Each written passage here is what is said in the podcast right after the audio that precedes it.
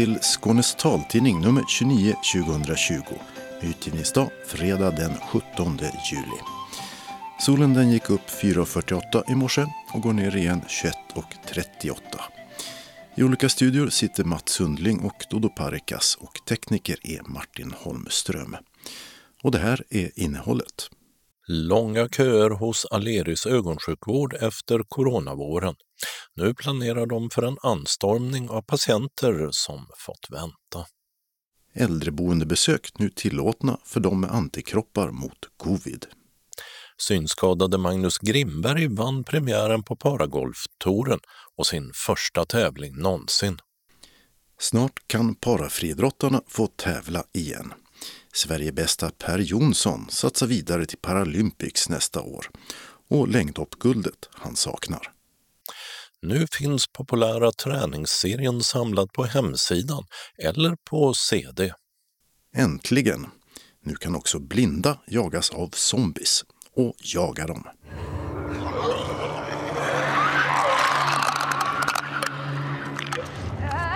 Populära tv-spelet Last of Us 2 har gjorts tillgängligt för alla. De ser likadana ut idag som på stenåldern och tillverkas på samma sätt. I sommarserien Skånska hantverk tar vi en titt på korgar och korgflätning. Och så har vi rätt namn på Lantbruksuniversitetet. Öppnat och stängt så med kallbad och sandstrand. Monster och mirakler blir det i månadens talbokstips som kommer från Malmö stadsbibliotek. Evenemangstips därpå med yoga, jazz och syntolkning. Och kalendern med schackdag, birgittor och burop. I anslagstavlan blir det inbjudningar och ändringar i kollektivtrafiken. Och allra sist kommer redaktionsrutan. I den privata ögonvården i Skåne börjar man märka en viss tillströmning av patienter som inte vågat komma under vårens och den tidiga sommarens coronakris. Men hos Aleris, som bland annat driver nästan fullskalig ögonsjukvård i Ängelholm, så är köerna långa och man planerar att öka sin skånska mottagningskapacitet i bland annat Malmö kraftigt i september. Ida Ankar, chef för Aleris ögon, sammanfattar läget så här. Vi har haft färre gråstarroperationer på alla våra kliniker. Vi har haft eh, mottagningen öppet som vanligt men med väldigt mycket färre patienter.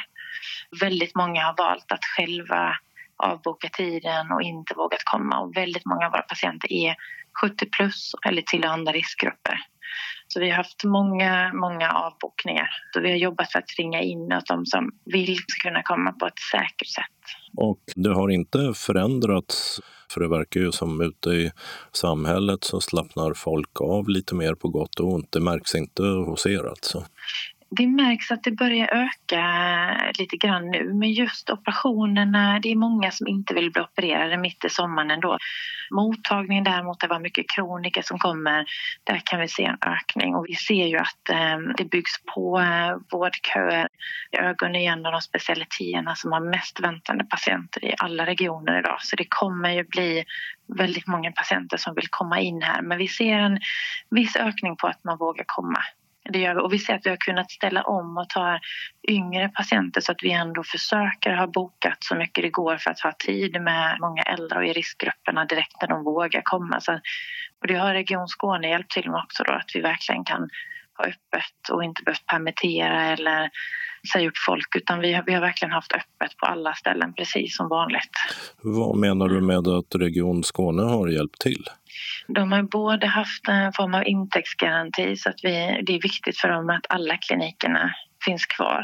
Så att vi har fått lite ekonomisk hjälp, alla vårdval just för att kunna fortsätta öppet och finnas kvar när vi väl har patienter som vågar komma igen. Och de har även då eh, varit väldigt bra tidigt ge ut eh, restriktioner, vad som gäller. De har skickat ut filmer på skyddsmaterial och skyddskläder och hur vi ska hantera det och tydliga riktlinjer på vilka patienter som vi ska kalla. Och Skåne har varit väldigt eh, snabba på restriktionerna och, och även varit tydliga, vilket har hjälpt oss. Du sa i våras att ni hade ställt in egna plastikoperationer därför att det inte kändes angeläget och stod beredda att ta emot ögonpatienter från regionen. Blev det så? Mm. Ja, det har vi fått från eh, Kristianstad, nästan det stället där vi har fått mest eh, remisser. Då har vi kunnat ta emot eh, och kunnat hjälpa till med kompetens. Och vi har även flyttat vår personal. Där är ju det som man kanske i första hand väntar med i sådana här lägen. Om inte det är, om man har väldigt stora problem med det. Så, och då har vi kunnat flytta vår personal till mottagningarna där vi har kronikerna som kommer och där de kommer med synhotande. Så vi har kunnat ställa om eh, ganska snabbt där faktiskt. Och hur har läget varit i Ängelholm? Vi har långa köer där och vi har eh, haft öppet som vanligt, satt in extra personal men mycket för att kunna glesa ut patienterna så vi inte har för många på plats samtidigt. Och sen har personalen lagt ner jättemycket jobb på att ringa in patienter för vi har långa köer där och vi har många kroniker som kommer. Men har vi avbokningar så har vi fortsatt att ringa och försöka få in andra och fylla platserna när vi är på plats just för framtiden då för att inte få ännu längre köer. Och eh, inom vilka områden är det som eh, köerna är eh, störst? Det är våra glaukomköer som har varit problem egentligen i hela Sverige. 70-plussare är ju där vi har längst köer. Det är långa köer även inom eh, gråstarr men det är eh, inte riktigt lika allvarligt att kön växer där. Men även diabetespatienter. Men glaukom är ju en av de delarna som är långa köer och där vi måste få in patienter. Så vi tittar på hur vi kan hjälpa till. Vi kommer öppna upp lite filialkliniker då till Ängelholm så vi kommer kunna ta emot mottagningspatienter i både Malmö, Helsingborg och Kristianstad och helt enkelt ställa om för att ha de som är medicinskt prioriterade. Finns det något eh, datum för det? Ja, ska jag gissa på att vi är igång i uh, september i, i, uh, i Malmö och Helsingborg också i slutet på september tror jag. Och Kristianstad strax efter det. Så det jobbar vi just nu med för att få in personal, kunna ta emot patienter. Och vi tittar på vilka mottagningar, för vi känner att det är viktigt för oss att få in patienterna till oss och kunna se vad de har och sen kunna hjälpa till att sortera dem också så att vilka är viktigast just nu och vilka kan vänta lite grann. Det är ju många av de här sjukdomarna som är lite luriga och svårt att upptäcka själv och vi är lite oroliga just för att man går kvar hemma och väntar lite för länge eller att vi inte ska kunna ta emot alla när de kommer. Betyder det att du tror att det finns eh, folk som helt enkelt har väntat för länge och inte fått den vård de behöver? Vi vet ju sedan tidigare att många sjukdomar ger symptom som gör att man väntar för länge för att man fortfarande ser ganska bra rakt fram men att synfältet krymper utifrån och så här, vilket gör att man kanske inte själv förstår när man ska söka alltid. Det är svårt att, att hantera vissa av sjukdomarna och det är vi rädda för att man helt enkelt går hem och väntar. Sen är det så att vi märker att många går ju inte till optiker heller. Om man säger så här, de eh, gångerna som patienterna själva märker att jag ser sämre, de kommer komma in. Men det finns ju många fall när man söker en vårdcentral eller en optiker eller kommer till en ögonläkare och kanske mer blir upptäckt eh, och kommer vidare den vägen. Och där tror jag att vi kommer kunna se en viss ökning av patienter som inte kommer till oss i tid kan man väl säga. Nu blev det ju inte så farligt i Skåne när det gäller antalet corona, covid-19 fall som det befarades. Men vad händer mm. om det blir en ny topp i höst? Vad skulle det innebära för er? Jag är inblandad i Stockholm och sitter i ledningen där för Aleris och ser hur vi har hanterat corona, covid-19 på plats där. Och jag kan säga att vi har lärt oss jättemycket på det. Vi kommer kunna ställa om ännu snabbare.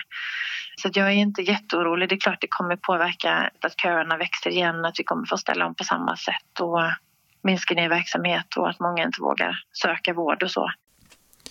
Det sa Ida Ankar, affärsområdeschef på Aleris Ögon Sverige. Reporter var Dodo Parikas. Personer med antikroppar mot covid-19 får nu besöka anhöriga på äldreboenden. Socialstyrelsen meddelade i tisdags att de tagit fram nya riktlinjer för undantag från besöksförbudet på äldreboenden som regeringen beslutade om i våras. I de nya riktlinjerna lyfter man fram vikten av att värna sociala kontakter men utan att riskera smittspridning och nu får den med ett positivt antikroppstest som tagits under de senaste sex månaderna besöka anhöriga.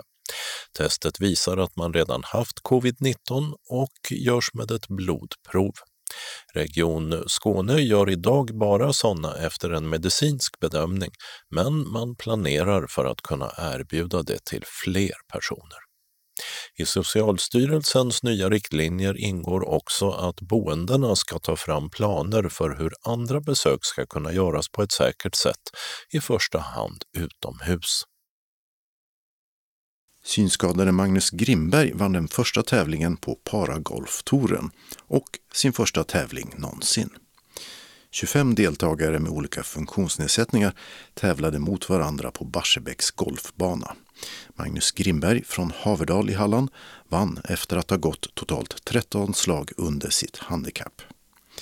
För två år sedan förlorade han synen och livet rasade samman, berättar han för Hallandsposten. Men så upptäckte han att han kunde fortsätta med sitt stora fritidsintresse, att spela golf. Att det fanns en paragolftour fick han reda på först när hemmaklubben skulle arrangera tävlingen, som han sen vann. Magnus Grimberg ger en stor del av segern till sin caddy, Louise Persson, som beskriver banan och riktar in honom inför slagen. Och segern gör att han nu siktar på att genomföra hela touren, med nästa tävling i början av augusti.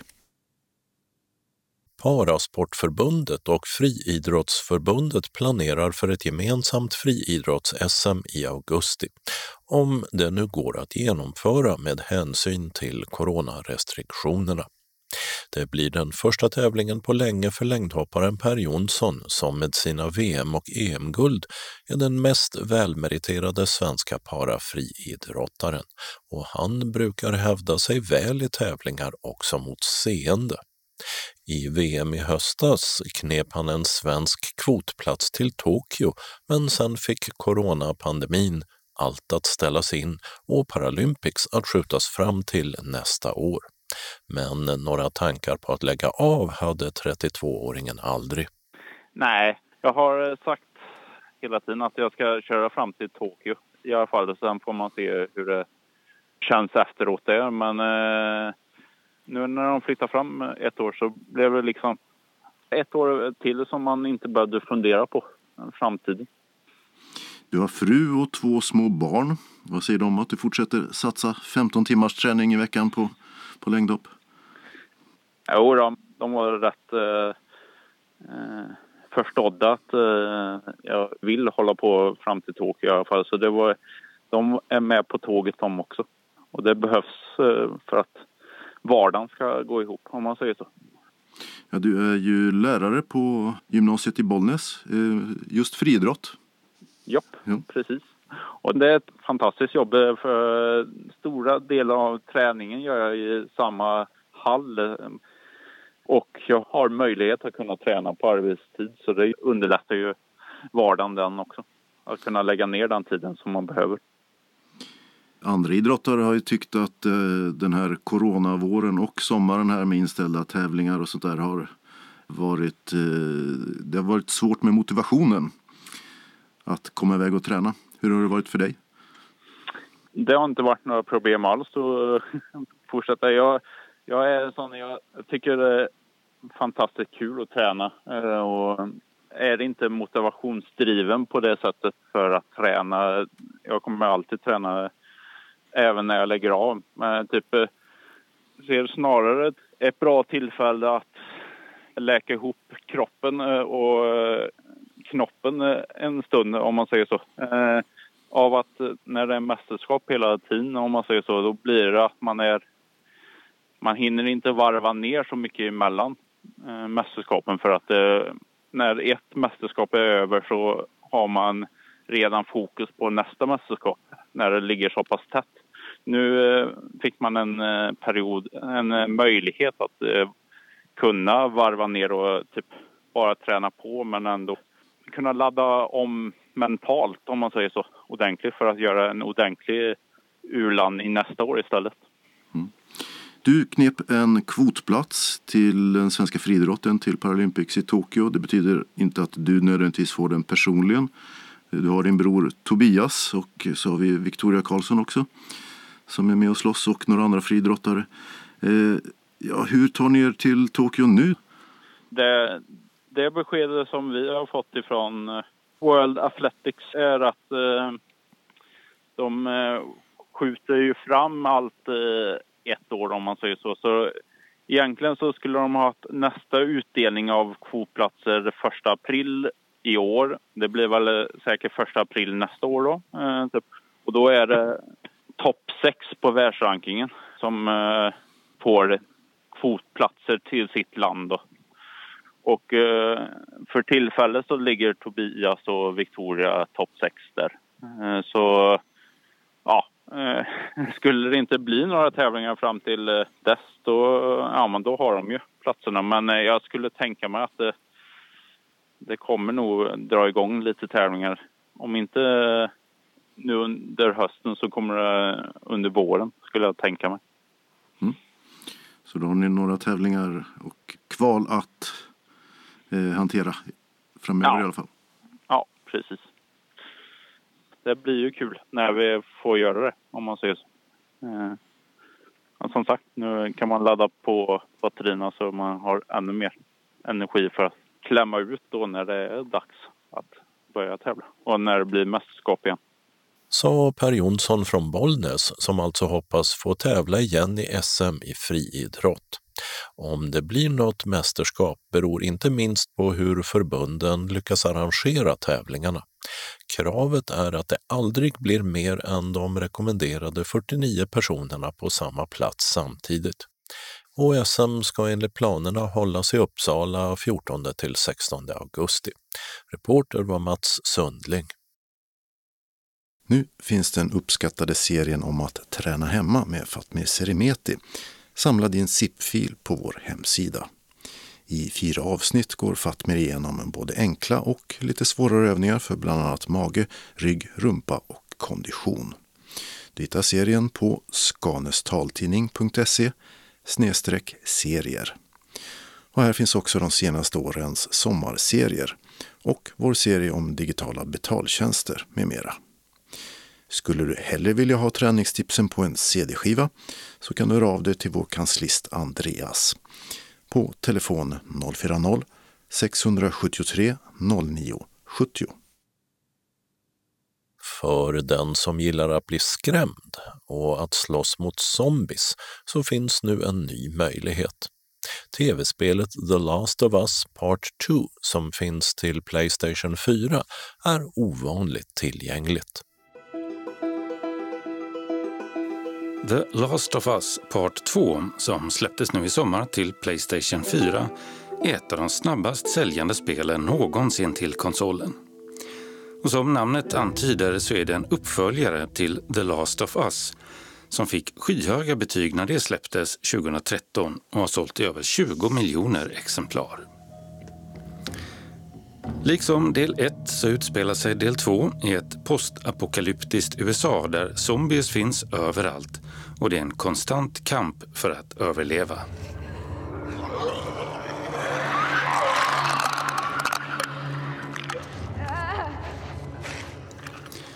Och glädjande nog har utvecklaren Naughty Dog verkligen ansträngt sig för att göra spelet tillgängligt. Det finns förinställningar att välja om du är synskadad, hörselskadad eller har motoriska svårigheter. Dessutom går det att justera alla inställningar som du själv vill.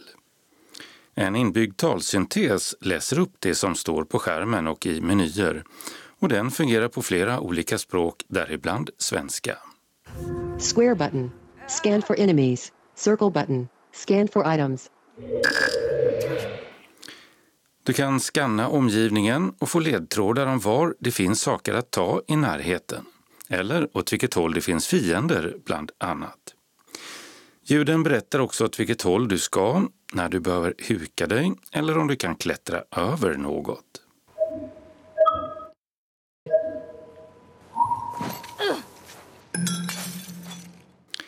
Det finns en imponerande mängd inställningar, även för spelets svårighetsgrad generellt, och detaljer som hur fienden kan agera i strid bland annat. Spelet har högkontrastlägen som kan göra ens vänner blå och zombies röda till exempel. Det går att förstora både text och grafik på skärmen och det går att aktivera autosikte bland annat.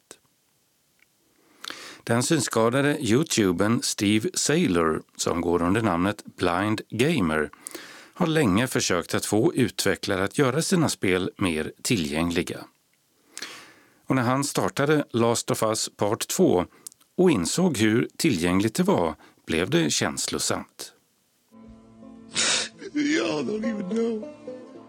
There's so much here. This is why I do what I do. Ni förstår inte, det finns så mycket. Det här är anledningen till att jag gör det jag gör, säger han mellan tårarna. På caniplaythat.com, en hemsida om tillgängliga tv-spel, så skriver Sailor att det här är det mest tillgängliga spelet någonsin. Och att det finns ett före och ett efter Last of Us Part 2 vad gäller tillgängliga tv-spel. Det sa Skånes taltidnings Martin Holmström. Spelet The Last of Us Part 2 finns alltså till konsolen Playstation 4 och vi ska också nämna att spelet har 18-årsgräns. I denna veckas avsnitt i vår sommarserie om skånska hantverk tar vi oss an korgflätning. Det har varit ett blindyrke och länge var en självklarhet att den som gick och handlade på torget hade en korg med sig. Vi ska till Marieholm och träffa två korgflätare, mor och dotter, som samtidigt lärde sig hantverket för ett tiotal år sedan. Men vi börjar på Skånes hemslöjdsförbund i Landskrona, där hemslöjdskonsulent Kalle Fors letar fram typiskt skånska korgar. Fast det senare ska visa sig att det inte är alldeles enkelt att säga vad som utmärker just en skånsk korg. En enekorg, det är det som väldigt många, framförallt äldre, förknippar med eh, liksom korgar och Skåne. Det var tre olika verksamheter där man behövde korgar. Det ena var jordbruk, framförallt potatis. Det är väldigt många som fortfarande kallar det för potatiskorgar. Och sen användes det inom gruvnäringen i Skåne och det är många som tänker att det har väl inte funnits, men det var det ju faktiskt. Uppe i eh, nordvästra Skåne så bröt man eh, stenkol och då behövdes korgarna. Och sen användes det en gång i tiden, alltså vi är i slutet av 1800-talet, sådär, även till järnvägen. Och det var för att förvara kol i och sådär. Så, och här är ju en, en sån, alltså gjort av ene. Och det är av den jag ska säga, äldre typen, det är ene helt igenom. Så småningom så eh, börjar man ersätta det med eh, vissa delar med ståltråd istället. Men i Marieholm, där korgflätaren Maria Jönsson står i sin trädgård tillsammans med sin mor Ann-Marie, korgflätare hon med, där finns inte tillstymmelsen till någon ståltråd. Intill väggen har de ställt fram korgar med och utan lock, stora och små. Och på gräset ligger knippen, inte av ene som Kalle Fors på hemslöjden visade, utan av pilkvistar i olika längder. Och jag ska strax få en liten lektion i hur man flätar botten till en rund korg. Men först ska kvistarna väljas ut. Det är då pil som är skördad i ehm, ja, februari. Är den skördad. Och den är nu torr. Riktiga risknippen av Ja, typen ja. kvast eller? Precis. Och ehm, till en eh, vanlig rund korg behöver du cirka 100 pinnar. Och de får inte vara i samma längd utan de ska vara i olika längder beroende på var de ska vara på korgen. Så, då väljer jag de som jag tycker ser tjockast ut. Nu tar jag sex stycken här. Och då klipper jag lite grann beroende på hur stor jag vill ha bottnen. Och där så skar du upp eh, en sån pinne i Ja, mitten Ja. med en morakniv. Och sen så, det kallas för 3 plus 3 botten. Då har jag sex stycken pil här. Och tre av dem delar jag på och tre av dem sticker jag igenom. De som jag har delat på. Så. Hur mycket blodvite blir det med en sån vass kniv? Det händer ibland. Ja, vi har faktiskt klarat oss på våra kurser som vi har hållit. Men eh, ibland när vi själva har varit på kurs har det blivit blodvite. Plus att du har klippt dig i fingret en gång. Det är vassa redskap vi jobbar med. Det måste vara det om vi ska kunna hantera dem. Så, Jo, nu har du tillverkat ett kors. Ja. precis. Nu börjar jag med ett varv här där jag binder ihop korset. Så att det är stadigt Det är i det här. mitten. Just det, det är med mycket tunnare slagor. Ja, ja. Ja. Och nu delar jag på dem så att jag ska ha den här skärmformen. Du drog halva korsarmen åt sidan. Ja, och i princip knäckte pilen. Men eh, den går inte av utan den är knäckt och sitter kvar. Ja, man måste ha en känsla i fingrarna för materialet. Och den känslan är hos vanliga människor som inte har tränat detta, den är obefintlig. Det är ju ett sinne, det är också precis som alla andra. Och eh, det kan man öva upp, det är inga konstigheter egentligen. Det är ingenting som är medfött så att säga utan det här måste man hantera. Och man lär sig ju också att hur mycket tål pilen egentligen. Det får man känna efter innan man knäcker den. Det är lite svårt att reparera i vissa lägen när man har knäckt den mitt av. Så man vet var man vågar att ta i och var man får kanske vara lite mer försiktig. Och det, det tar några år innan man har kommit underfund med det. Och sen är det ju så också att olika sorters pilar har olika egenskaper. Så att vissa har ju, använder man bara för att de är vackra i färgen. Vissa av de här är väldigt styva och de är inte speciellt trevliga att fläta med. Pilen protesterar alltid mot vad du gör med den. Då måste du försöka gå runt de protesterna lite grann. Tvinga den dit du vill ha den men ibland går det inte. Vissa av de här tar så mycket kraft ur fingrarna. Så man får träningsverk. Ja, det har man. Eh, man går en veckokurs har man ont i tummarna. Man har hittat korgar som är från jägarstenåldern.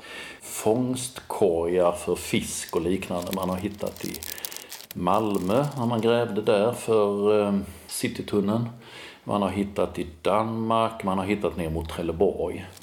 Eh, om vi säger att det är kanske 7, 8, 9 tusen år sedan så används fortfarande likadana korgar idag. Och de är gjorda på samma sätt, de är gjorda med samma material. Ehm, alla korgar är fortfarande flätade för hand. För det finns inga maskiner som kan fläta korgar. Och den här flätningen jag använder, det är precis samma flätning som den som gjorde den här mjärden för 8500 år sedan använde. Exakt samma flätning. Så det eh, svindlar lite grann ibland. Nu kommer jag till det momentet som heter att jag måste skarva därför att bilen tog slut. Och då är det så att i den här så använder man den tjocka ändan mot den tjocka ändan. Och det är lite olika beroende på vad det är för tekniker. Och det ska inte sättas ihop med Karlssons klister i mitten. Det ska det inte. Det är eh, förbjudet. Om man gör rätt så stannar den alltid där och då stannar den i ett par hundra år. Du kan själv testa. Så då ska du ta den och så ska den över den och ut på den sidan. Nej, där knäckte jag den. Ja men det gör ingenting. Nähä. Det, så bär den sig åt. Det är inte, det är inte snyggt att ha den där knäcken i vissa lägen men eh, ja. Jösses. Mm. Jag förstår vad du menar med att man måste känna materialet. eh, Och sen ska den under där då. Ja, och så drar du den upp och sen kör du den och så plattar du till den över där också. Det kallas för dubbel kryssflätning det här. Du ser att det blir en, en snodd hela vägen. Mm. Den här pilen är ehm, relativt snäll men eh, det är inte enkelt i början. Det är det inte. Alltså du tittar inte hela tiden. Du tittar upp en hel del och, och fingrarna fortsätter. Ja, det är det som är det sköna med det här. Man kan känna sig fram, man vet var man är någonstans. Man kan känna väldigt mycket, både formen och, och hur materialet liksom formar sig. Det är kanske som gör att det har kunnat vara ett, ett eh, hantverk för de som inte kan se. Det var den eh, svenska pedagogen Per Aron Borg, grundare av skolundervisning för blinda och döva, som i 1800-talets början även valde att ge yrkesundervisning i korgmakeri. Men undan för undan på 1900-talet så dog korgflätningen ut som ett blindyrke. Hemslöjdskonsulenten Kalle Fors har hört om korgflätning på skånska mentalsjukhus som Sankt Lars och Sankta Maria men aldrig träffat någon blind korgmakare. Jag har hört talas om en person, en person bara. Och det tror jag var, måste jag tänka efter, Billesholm, Billeberga, någonstans där. Det är det enda jag har talat om, faktiskt. Däremot, eh, jag vet att man har flätat korgar på Sankt Lars en gång i tiden. Och jag har också träffat en kvinna som sa, jag har flätat mycket korgar men jag vill inte veta av det längre. Jag satt på Sankta Maria eh, i Helsingborg. Och jag blev uppringd av en dagverksamhet i Helsingborg, kanske 10-15 år sedan. Och då ville de att jag skulle komma dit och lära dem att göra korgar. Eh, och då sa de liksom så också, ja det är lite känsligt det här med korgar för att för många av dem som hade antingen psykiska problem eller fysiska på ett eller annat sätt så blev det mer eller mindre tvång. Och de sa det är lite känsligt men vi har en grupp som gärna skulle vilja. Och när jag kom dit med material och grejer så sa de Ja, vi har också material. Oj, sa jag, vad fantastiskt. Och det var av den här ljusa fina pilen, enorma mängder. Och då sa de, ja det kommer från Sankta Maria. De skulle slänga allt detta och vi fick ta hand om det vi ville. Så sa jag, åh, alltså det... Och vi räknade ut att det materialet hade nog stått där oanvänt i kanske 30 år. Men det gick alldeles utmärkt att fläta av detta. Det här har ju faktiskt en tradition väldigt långt tillbaka i tiden. Och vi försöker plocka upp gamla mönster, vi ser gamla korgar, vi gör dem på nytt. Vi försöker liksom tala om att det här har faktiskt funnits som ett sätt att göra bruksföremål. Man behövde en potatiskorg, man hade inte Maxi på nära håll, utan man fick göra den själv. Här fanns pilen, då använde man den. Och när du, du gick in här nu Maria mm. och då såg jag att det stod pilflätare på ryggen på det. Ja, det gör det. Det är eh, arbetströjorna. Eh, det är ju så här att när, när korgmakeriet försvann i Sverige så finns ju inte titeln korgmakare. Förut var det så att det var ett mästaryrke.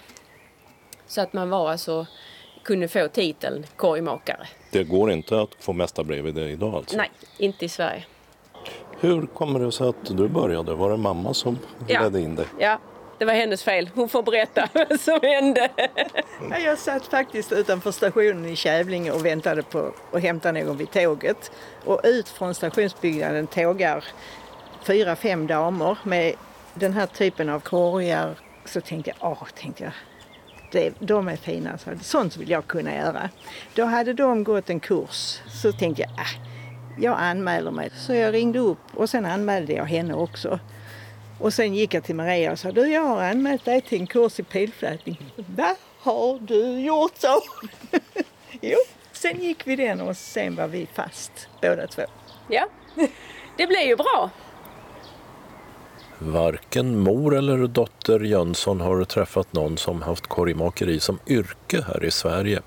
Men de har skaffat sig kunskaper, bland annat i Danmark där traditionen hållits levande.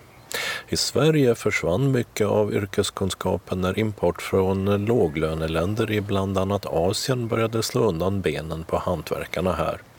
Och snart hade många kanske till och med glömt att det funnits korgmakare i olika delar av Skåne som försörjde sitt omland med korgar för allehanda vardagsbruk.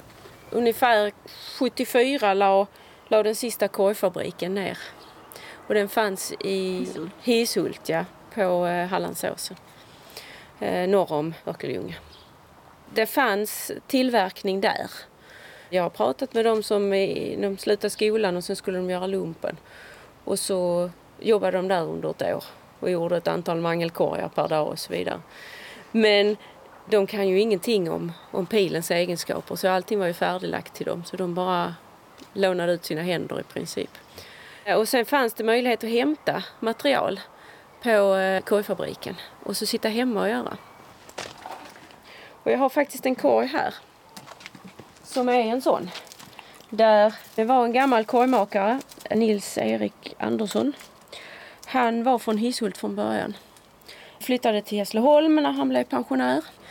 Inne på en bakgård fick han tag i en liten lägenhet.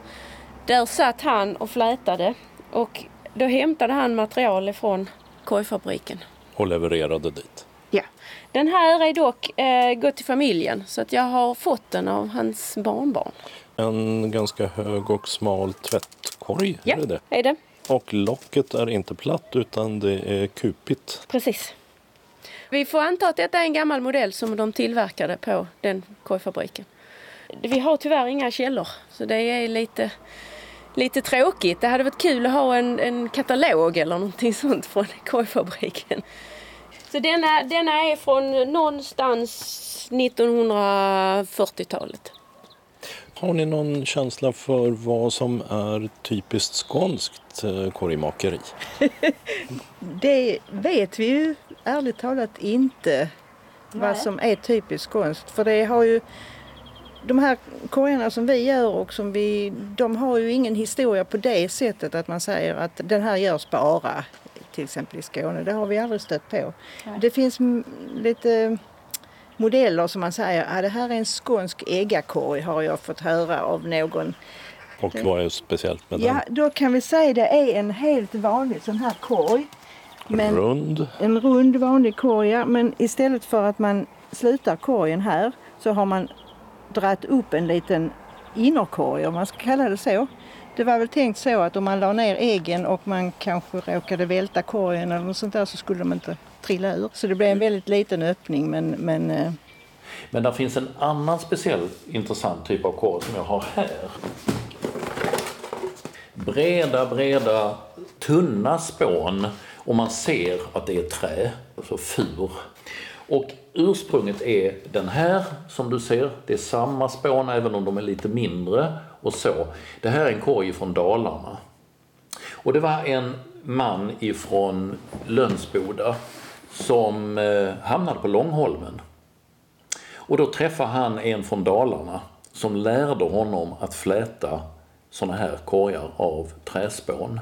Och till Dalarna så hade det kommit en gång i tiden med svedjefinnar.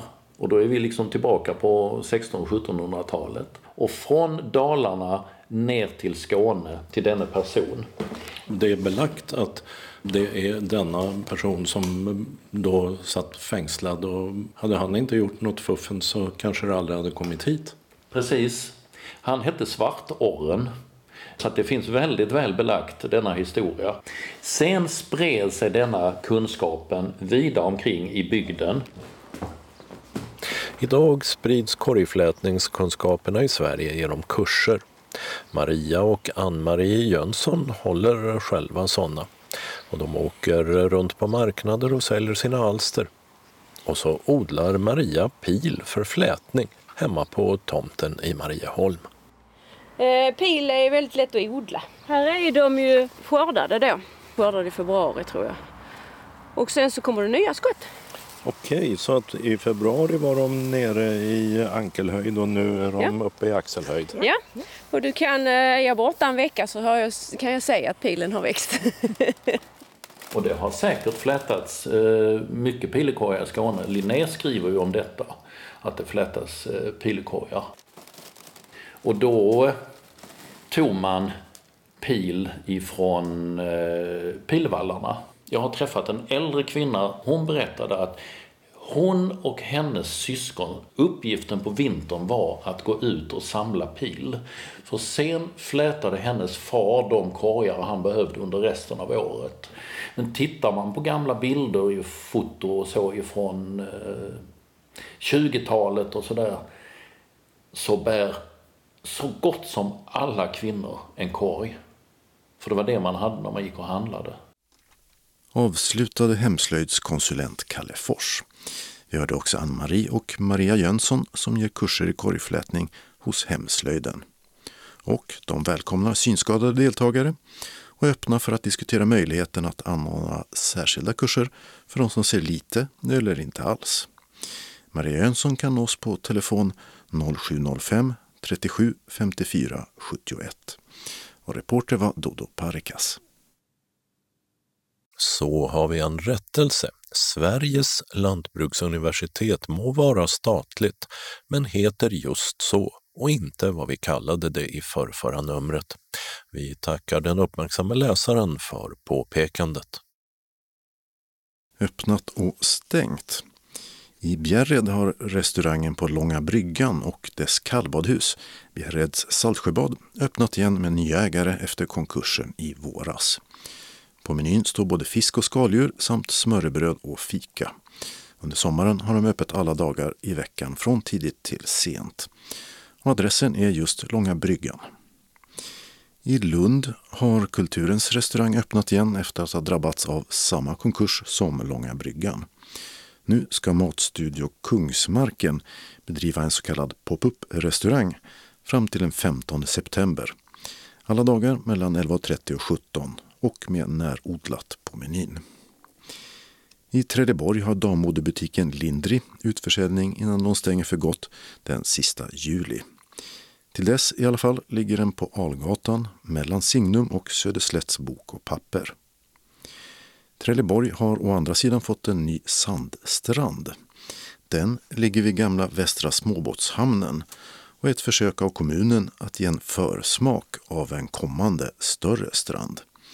Den här är inte större än en hockeyrink ungefär, men har solstolar, parasoller, bänkar, en grillplats och en klätterställning. Och i Malmö har baren och restaurangen Soho öppnat på Holmgatan 4 i lokalen där delikatessen låg tidigare. Nu serveras där drinkar och mat med inspiration från flera asiatiska kök. Och så finns där en uteservering. Ormar, monster och mirakler väntar i månadens talbokstips, liksom några kvinnor som behöver ta tag i sitt liv. De kommer från Annie Söderlind och Nina Olsson på Malmö stadsbibliotek. Och det är Nina Olsson eh, som kommer med det första tipset. Ja, hejsan! Jag har läst Lina Wolfs Köttets tid och den handlar om eh, Eh, människans behov av andlighet i en verklighet som eh, är väldigt kroppslig kan man säga. Man slits mellan kropp och själ. Eh, den är väldigt berättartekniskt skicklig och man kanske kan bli lite avskräckt av att det är mycket vindlande berättelser och biberättelser och jag tyckte den var väldigt spännande.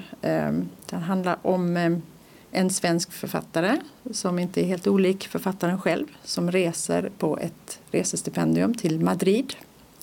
Och där ska hon få inspiration att skriva den här romanen som hon har tänkt sig. det är olidligt hett som det brukar vara på sommaren i stora städer. Och på en bar så möter hon en man som heter Mercuro och hela det första kapitlet handlar om honom och hans livshistoria. Och det är så här att han känner sig förföljd av en nunna som heter Lucia. Eh, hon ligger bakom ett eh, spektakulärt underhållningsprogram som går på internet som heter Köttets tid, samma titel som boken.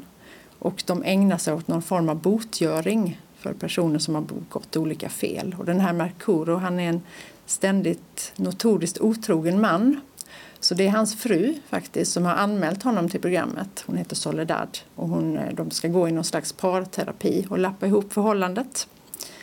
Och författaren då som sitter och lyssnar på det här på baren hon dras ju in i hans historia och blir väldigt intresserad. Och, eh, man får läsa om alla de turer som, eh, som hon går in i i hans berättelse sen. För att de är, de är mycket spektakulära kan man säga. Och sedan i andra delen så handlar det just om den här nunnan som han har känt sig förföljd av, Mercuro. Hon heter Lucia. Och då får man hennes i form av brev som hon skriver till författaren som då sitter i fängelse efter en rad händelser som kommer uppdagas. Där berättar hon om sin tuffa tid under uppväxten eh, i Frankotiden och sitt val att bli nunna och hur det kom sig att de startade det här spektakulära eh, underhållningsprogrammet som heter Köttets tid. Så där får man liksom nycklarna till det. Så ni hör, det är en vindlande roman och berättelse. Man får verkligen hålla tungan rätt i mun. Det är inte svårt att följa berättelserna tycker jag, men eh, det är många berättelser. Och det är en bihistoria som jag fastnade väldigt speciellt för. Det var den om Miranda och Santiago.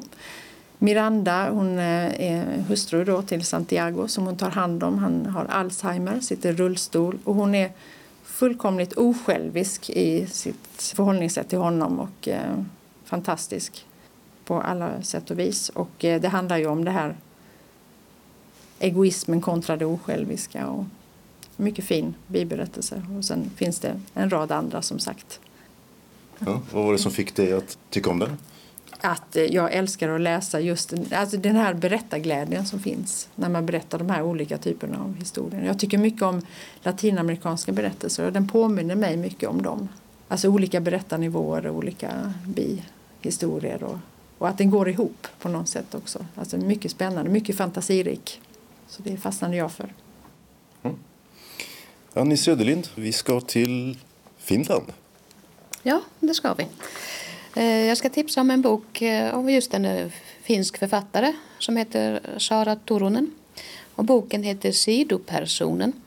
Det är faktiskt en ganska fyndig titel för den handlar om en författare och en författare förväntar sig producera sidor med text. Men samtidigt så känner hon sig vara en person som står lite vid sidan av. Den här huvudpersonens första bok har blivit utgiven och då borde ju allt vara frid och fröjd. Äntligen har hon lyckats med detta. Men recensenterna har inte riktigt förstått vad hon egentligen ville säga. Och den eh, lägenheten som hon bor i, den har hennes pappa köpt till henne så att hon överhuvudtaget ska ha någonstans att bo. Den sunkiga madrassen hon sover på, den har hon haft sedan barndomen. Och det tycks som att alla andra utom hon har man och barn. Ja, livet är inte som hon har tänkt sig. Hon borde vara lycklig och vara igång att skriva den andra boken, men tiden går. Vi får följa henne under, under ett år från det att hennes första bok kom ut och vad som händer. Det är en roman som handlar både om eh, strukturer i samhället, mycket om manligt och kvinnligt. Sådana strukturer som man aldrig tycks bli av med generation efter generation. Men den handlar också om att eh, finna sitt eget sätt att leva i bruset av alla förväntningar. Både förväntningar på sig själv och omgivningens förväntningar. Och den är skriven med en stillsam humor men med knivskarpa observationer på omgivningen. Mm.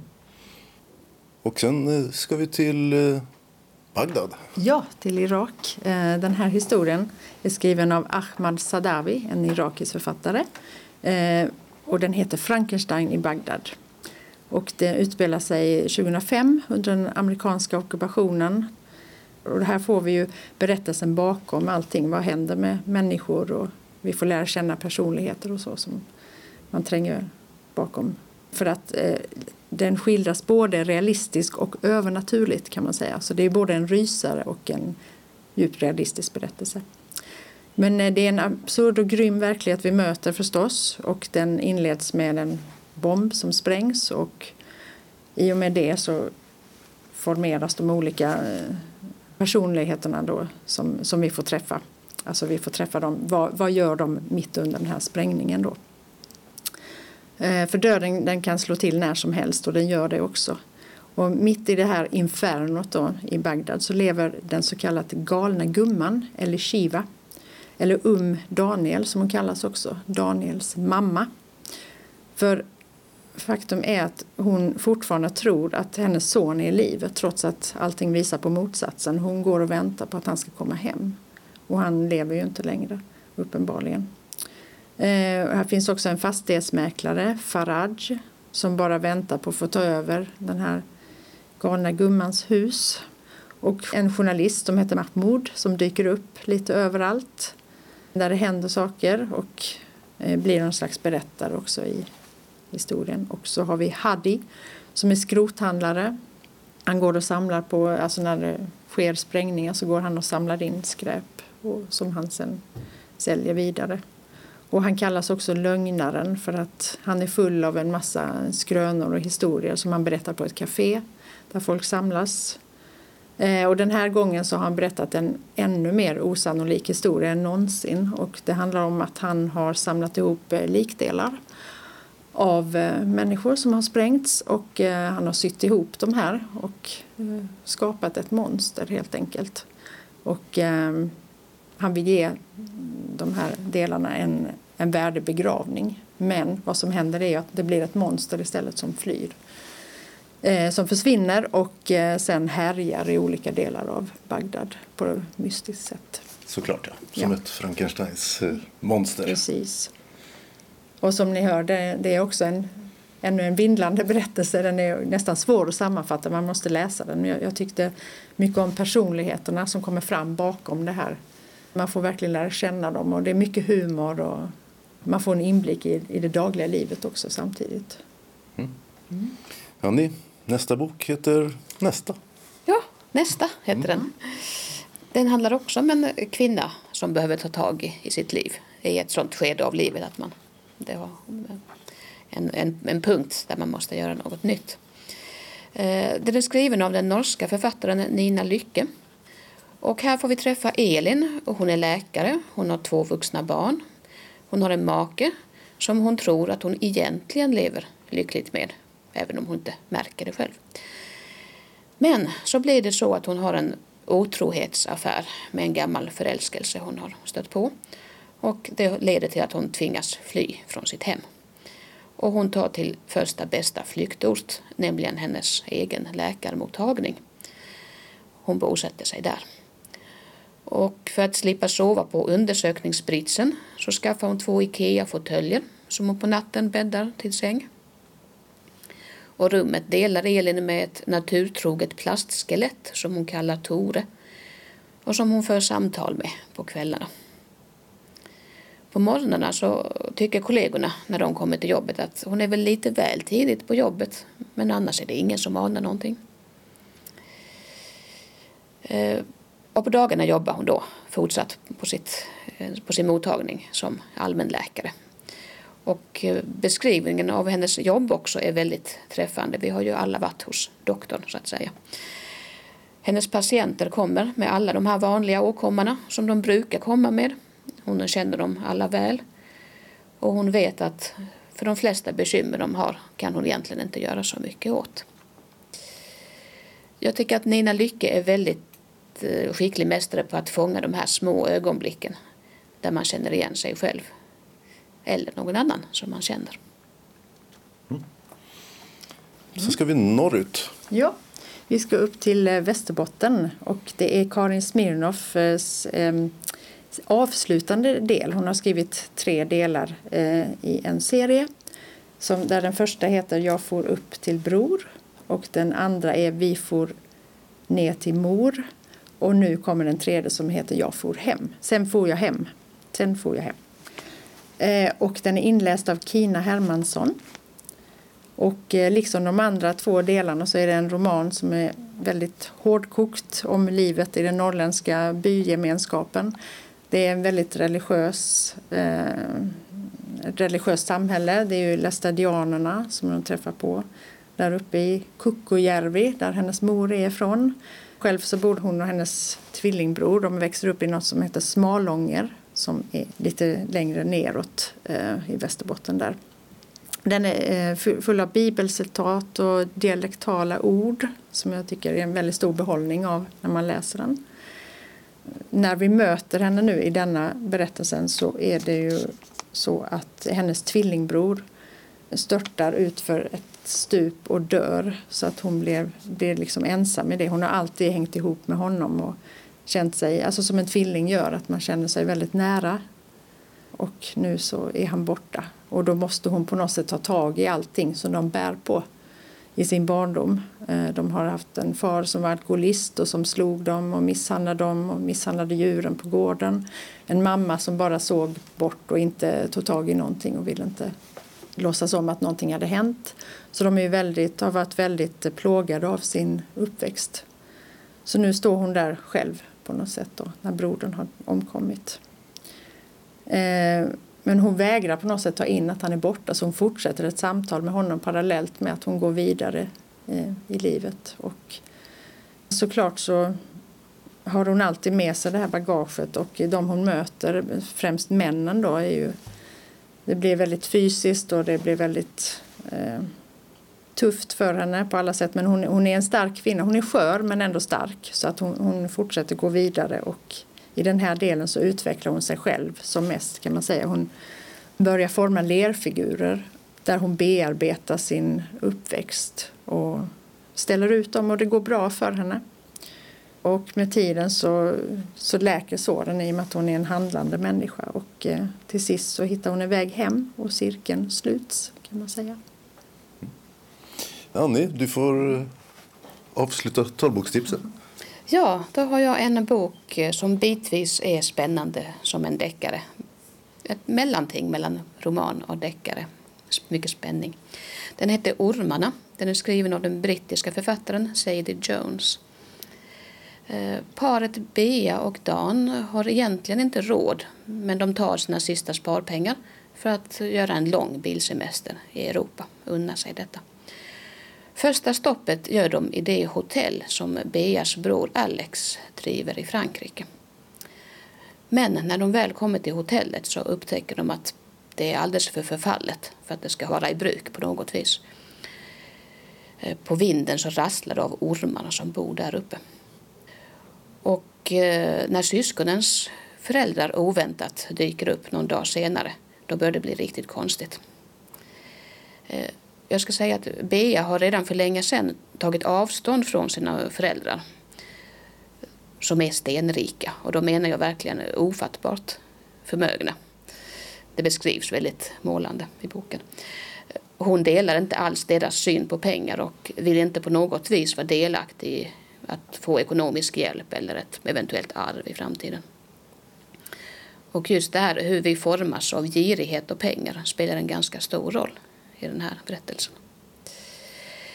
I alla fall, efter ett par dagar eh, efter föräldrarnas ankomst försvinner Alex och alla olikheter och konflikter i familjen dras till sin spets.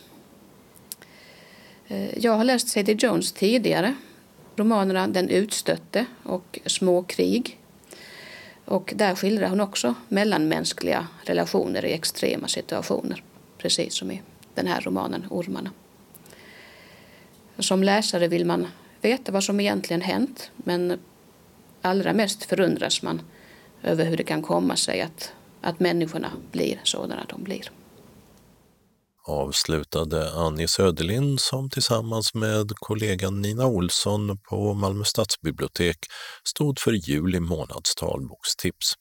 Reporter var Mats Sundling och böckerna de tipsade om var alltså Köttets tid av Lina Wolf är inläst av Bodil Kar Granlid och den finns också i punktskrift. Sidopersonen av Sara Toronen som är inläst av Åsa Ekberg och även den finns i punktskrift. Frankenstein i Bagdad av Ahmed Sadawi med Anders Palm som inläsare. Nästa av Nina Lycke, inläst av Malin Halland. Sen for jag hem av Karin Smirnoff som finns inläst av Kina Hermansson och i punktskrift. Och slutligen Sadie Jones familjedrama Ormarna med Anna Godenius som inläsare. Evenemangstips. Halvtimmeslånga guidningar anordnas på Fredriksdals friluftsmuseum varje dag 13.00 och 15.15 .15 under rubriken Fredriksdal berättar. Visningarna har olika teman. Nu på lördag den 18 juli ställs till exempel frågan Varför grönska? med hållbarhet i fokus.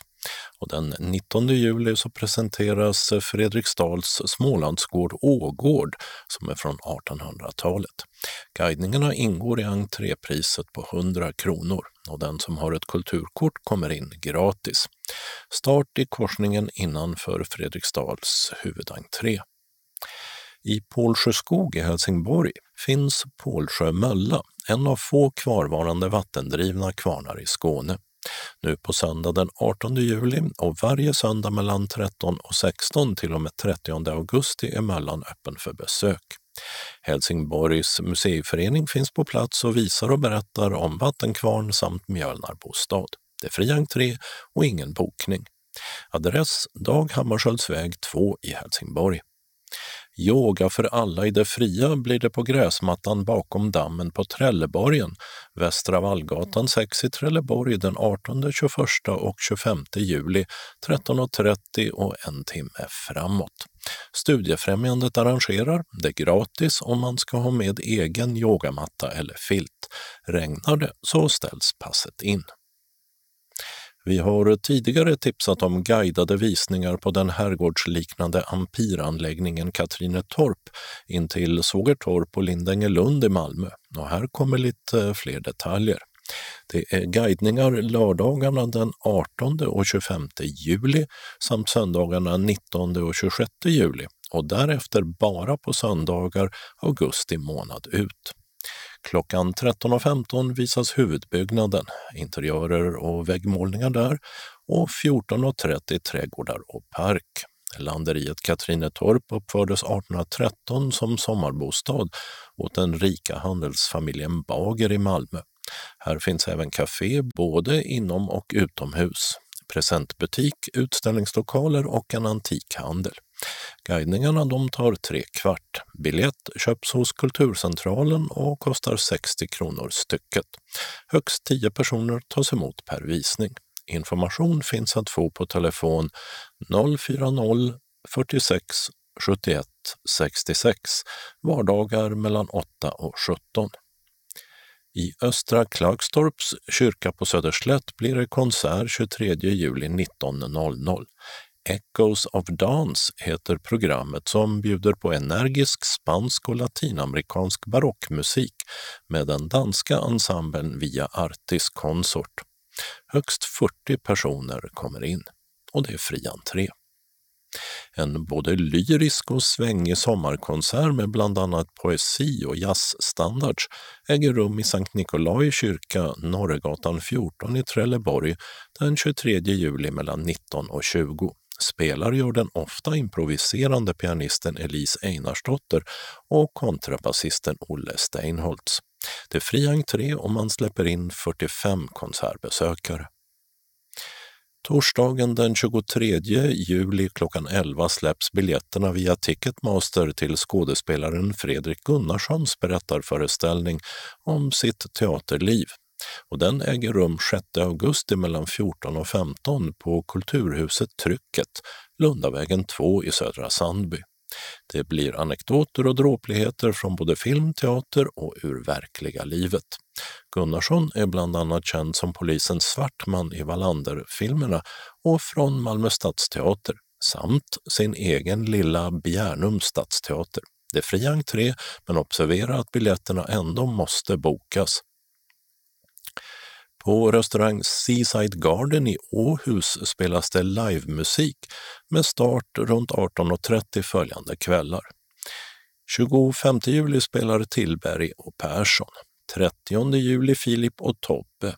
1 augusti blir det musikal och jazzmusik och 6 augusti kan man tävla i ett musikquiz. 8 augusti blir det Italien-tema och sen fortsätter musikkvällarna den 13, 15 och 22 augusti. Antalet platser är begränsat och bordsbokning görs på telefon 044 28 93 00. Adressen är Kantarellvägen 1 i Åhus. Syntolkningar så. URs tecknade tv-serie Rädda världen riktar sig till barn i förskolan och handlar om miljöutmaningar i vardagen. Vad kan man göra istället för att köra bil? Hur sparar man på vatten? Hur kan saker återvinnas? De 4-5 minuter långa avsnitten är följande. 26 juli bilen. 2 augusti skräp. 9 augusti vatten. 16 augusti elektricitet och 23 augusti återvinning. Det sänds i SVT Barn och klockslaget är 14.10 alla gångerna. Dessutom finns hela serien redan nu på hemsidan UR Play. Där finns även serien Bara vanligt vatten med fem femminuters avsnitt för lågstadiebarn.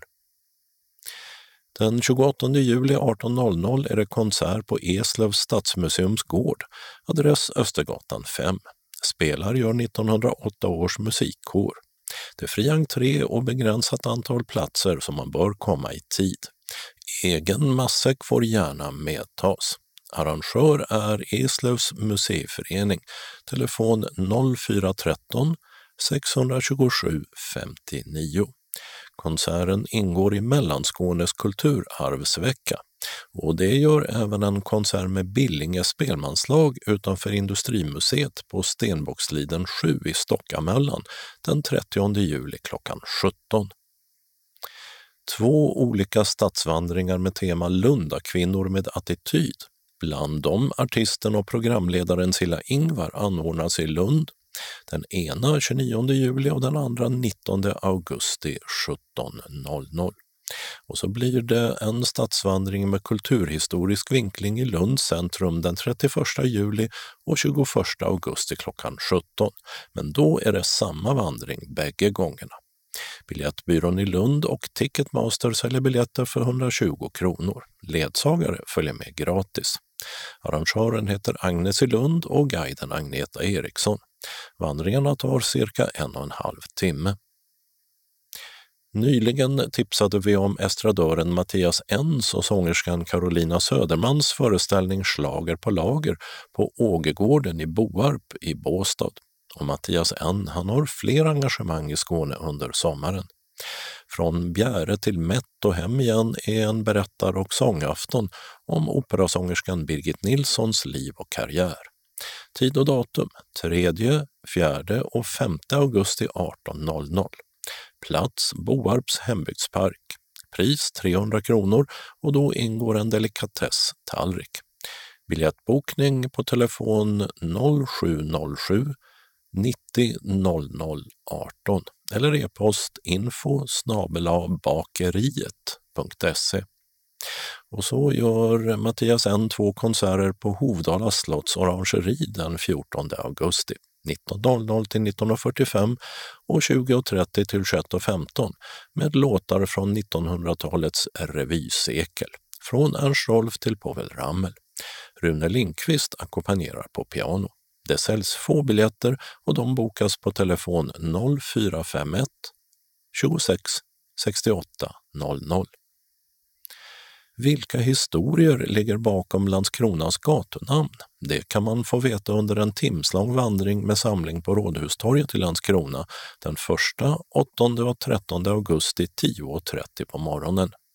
Guidningen är kostnadsfri men man måste föranmäla sig på kommunens telefonnummer 0418 47 30 00 eller via e-post visit landskrona.se. Antalet deltagare per gång är begränsat till 15 för att det ska vara lätt att hålla avstånd. Biljettinformation Kulturcentralen telefon 040 10 30 20. Fredriksdals museer och trädgårdar 042 10 45 00. Ticketmaster 077 170 70 70 och biljettbyrån i Lund 046 13 14 15. Kalendern för 2020 års 30 vecka börjar måndagen den 20 juli. Då namnsdag firas av Greta och Margareta och det är den internationella schackdagen. För 60 år sedan blev Sirimavo Bandaranaike i Sri Lanka världens första folkvalda kvinnliga premiärminister. Och detta datum 1969 så bänkade sig människor världen över framför tv-apparaterna för att följa den första bemannade månlandningen, vilket ledde till att Argentina, Brasilien och Uruguay uppmärksammar årsdagen som vänskapens dag eftersom månlandningen så till den grad förenade världens folk. 95 år fyller den franske politikern Jacques Delors Åren 1985 till 95 var han EU-kommissionens ordförande och drivande kraft bakom dels skapandet av EUs gemensamma inre marknad, dels införandet av euron. 80 år fyller jazzpianisten och kompositören Monica Dominic tillsammans med maken Karl-Axel flitigt konserterande landet runt, så även här i Skåne. Poeten, dramatikern, rabulisten med mera Stig Larsson blir 60 år. Han ska inte förväxlas med sin avlidne namne, deckarförfattaren och samhällskritikern som stavade sitt förnamn S-T-I-E-G. Och 45 år fyller Birgitta Olsson, tidigare riksdagsledamot för Liberalerna och före detta EU och demokratiminister. Olsson tippades även som möjlig partiledare men nådde aldrig den positionen. Tisdagen den 21 juli är Johannas namnsdag och onsdagen den 22 juli så har Madeleine och Magdalena namnsdag. Torsdagen den 23 juli är Birgittas helgondag. Detta datum 1373 avled nämligen den svenska klostergrundaren och förkunnaren Birgitta Birgersdotter i Rom. 1391 så helgonförklarades hon. Birgittas uppenbarelser hade ofta politiska förtecken och finns inlästa i flera olika talboksversioner. En av dem innehåller även text av eh, Ebba Witt-Brattström. Namnsdag detta datum har Emma och Emmy medan nyss nämnda Birgitta får vänta till i oktober med sin namnsdag. Fredagen den 24 juli är Kerstins och Kristinas namnsdag. På dagen för 40 år sedan gick den brittiske skådespelaren Peter Sellers bort och hans mest kända roll är nog den klantige kommissarien Clouseau i Rosa Pantern-filmerna. På 60-talet var Sellers i fyra år gift med den svenska skådespelaren Britt Ekland. Lördagen den 25 juli heter namnsdagsbarnet Jakob.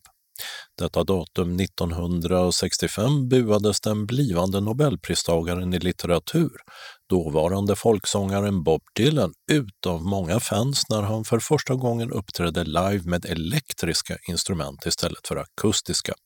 Detta på just en folkmusikfestival i amerikanska Newport.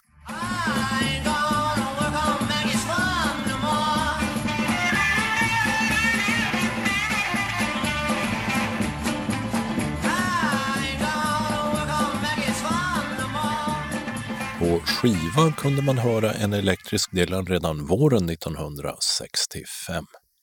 Och när han året därpå ansökte om arbetstillstånd för att spela i Sverige angavs faktiskt viskonsert som syfte med besöket. Om turerna kring Dylans Nobelpris har Svenska Akademins tidigare ständiga sekreterare Sara Danius skrivit boken om Bob Dylan och den finns både som talbok och i punktskrift. Och så avslutas veckan söndagen den 26 juli som är Jespers namnsdag. Den amerikanska antidiskrimineringslagen The Americans with Disabilities Act of 1990 som berör personer med funktionsnedsättning fyller 30 år. Under Trump-åren har amerikanska funktionshinderorganisationer kontinuerligt uttryckt stor oro över administrationens försök att minska stödet till de med funktionsnedsättning i USA. Den brittiska skådespelaren Elena Lidia Vasiljevna Mironova är betydligt mer känd som Helen Mirren. Hon har bland annat spelat poliskommissarien Jane Tennyson i en välkänd kriminalserie för tv på 90-talet och dessutom bägge drottningarna Elisabeth. Först renässansregenten Elisabeth I, också det för tv, därpå Elisabeth II i långfilmen The Queen om den nu sittande brittiska drottningen under tiden kring prinsessan Dianas död. Och 2003 adlades Mirren av just Elisabeth II. Nu fyller mer än 75. Och den som vill ta del av Jane Tennysons och andra kvinnliga polisers öden kan hitta en rad böcker av den brittiska författaren Linda LaPlante i talboksform. Anslagstavlan börjar med en inbjudan från SRF Trelleborg med omnejd som har en påminnelse om ölprovningen på Hönsing hantverksbryggeri onsdag den 29 juli från klockan 18. Vi har förlängt anmälningsdatumet till den 26 juli och vi håller avstånd. Samling klockan 17.30 på Trelleborg C för vidare gemensam transport till Jordberga gods. För våra medlemmar och ledsagare kostar visning, öl och tilltugg 200 kronor med ett subventionerat pris. Vi kommer att sitta ute i godsets trädgård. Här finns gott om utrymme så vi uppmanar andra lokalföreningar att passa på att svinga en bägare tillsammans med oss. För er är det ordinarie pris som gäller, 390 kronor för samma sak.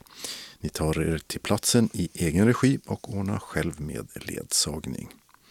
Anmälan till Lars Billgren, mobil 070-832 1907 eller via e-post till lars.billgren med två L snabela telia.com.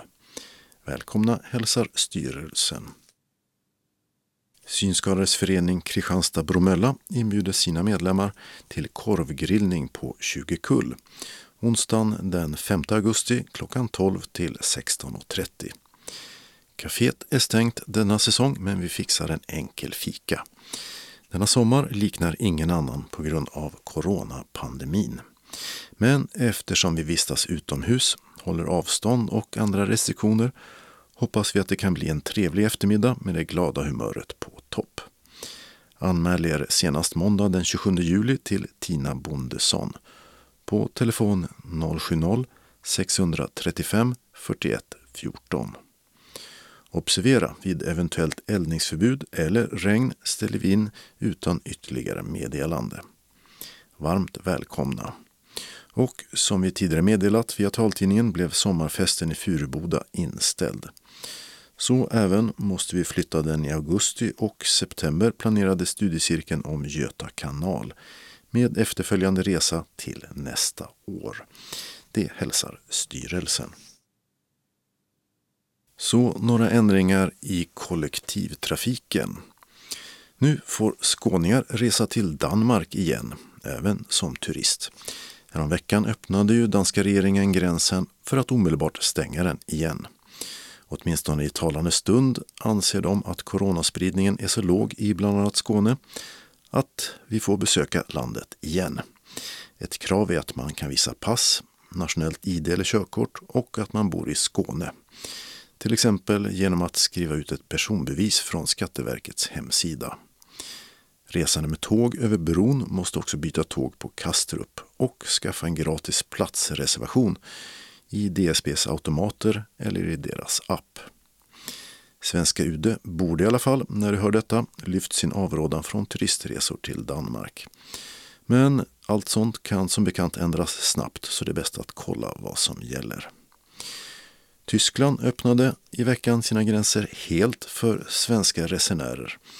Tidigare besökare fått sitta i karantän i två veckor. Och samtidigt plockade det svenska utrikesdepartementet bort sin avrådan från resor till Tyskland liksom till bland annat Polen.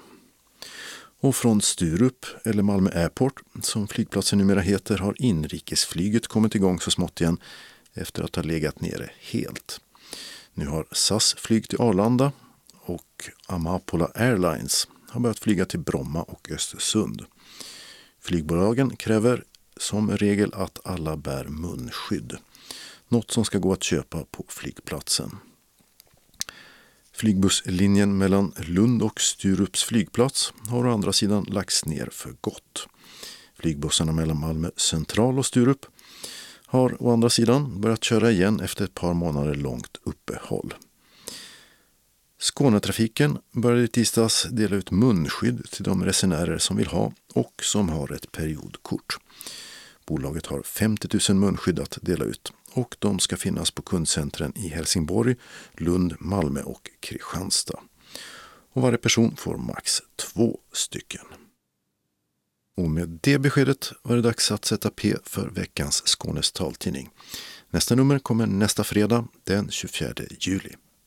Skånes taltidning ges ut av Region Skånes psykiatri och habiliteringsförvaltning. Ansvarig utgivare är Martin Holmström. Postadress Jörgen Ankersgatan 12 211 45 Malmö.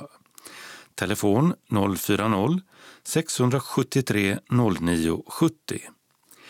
E-post Skanes taltidning snabela skane.se och hemsida skanestaltidning.se. Observera att CD-skivorna inte ska skickas tillbaka till oss. Såväl skivor som kuvert kan läggas i brännbara sopor när ni inte längre vill ha dem. Vi hörs igen. Hej då!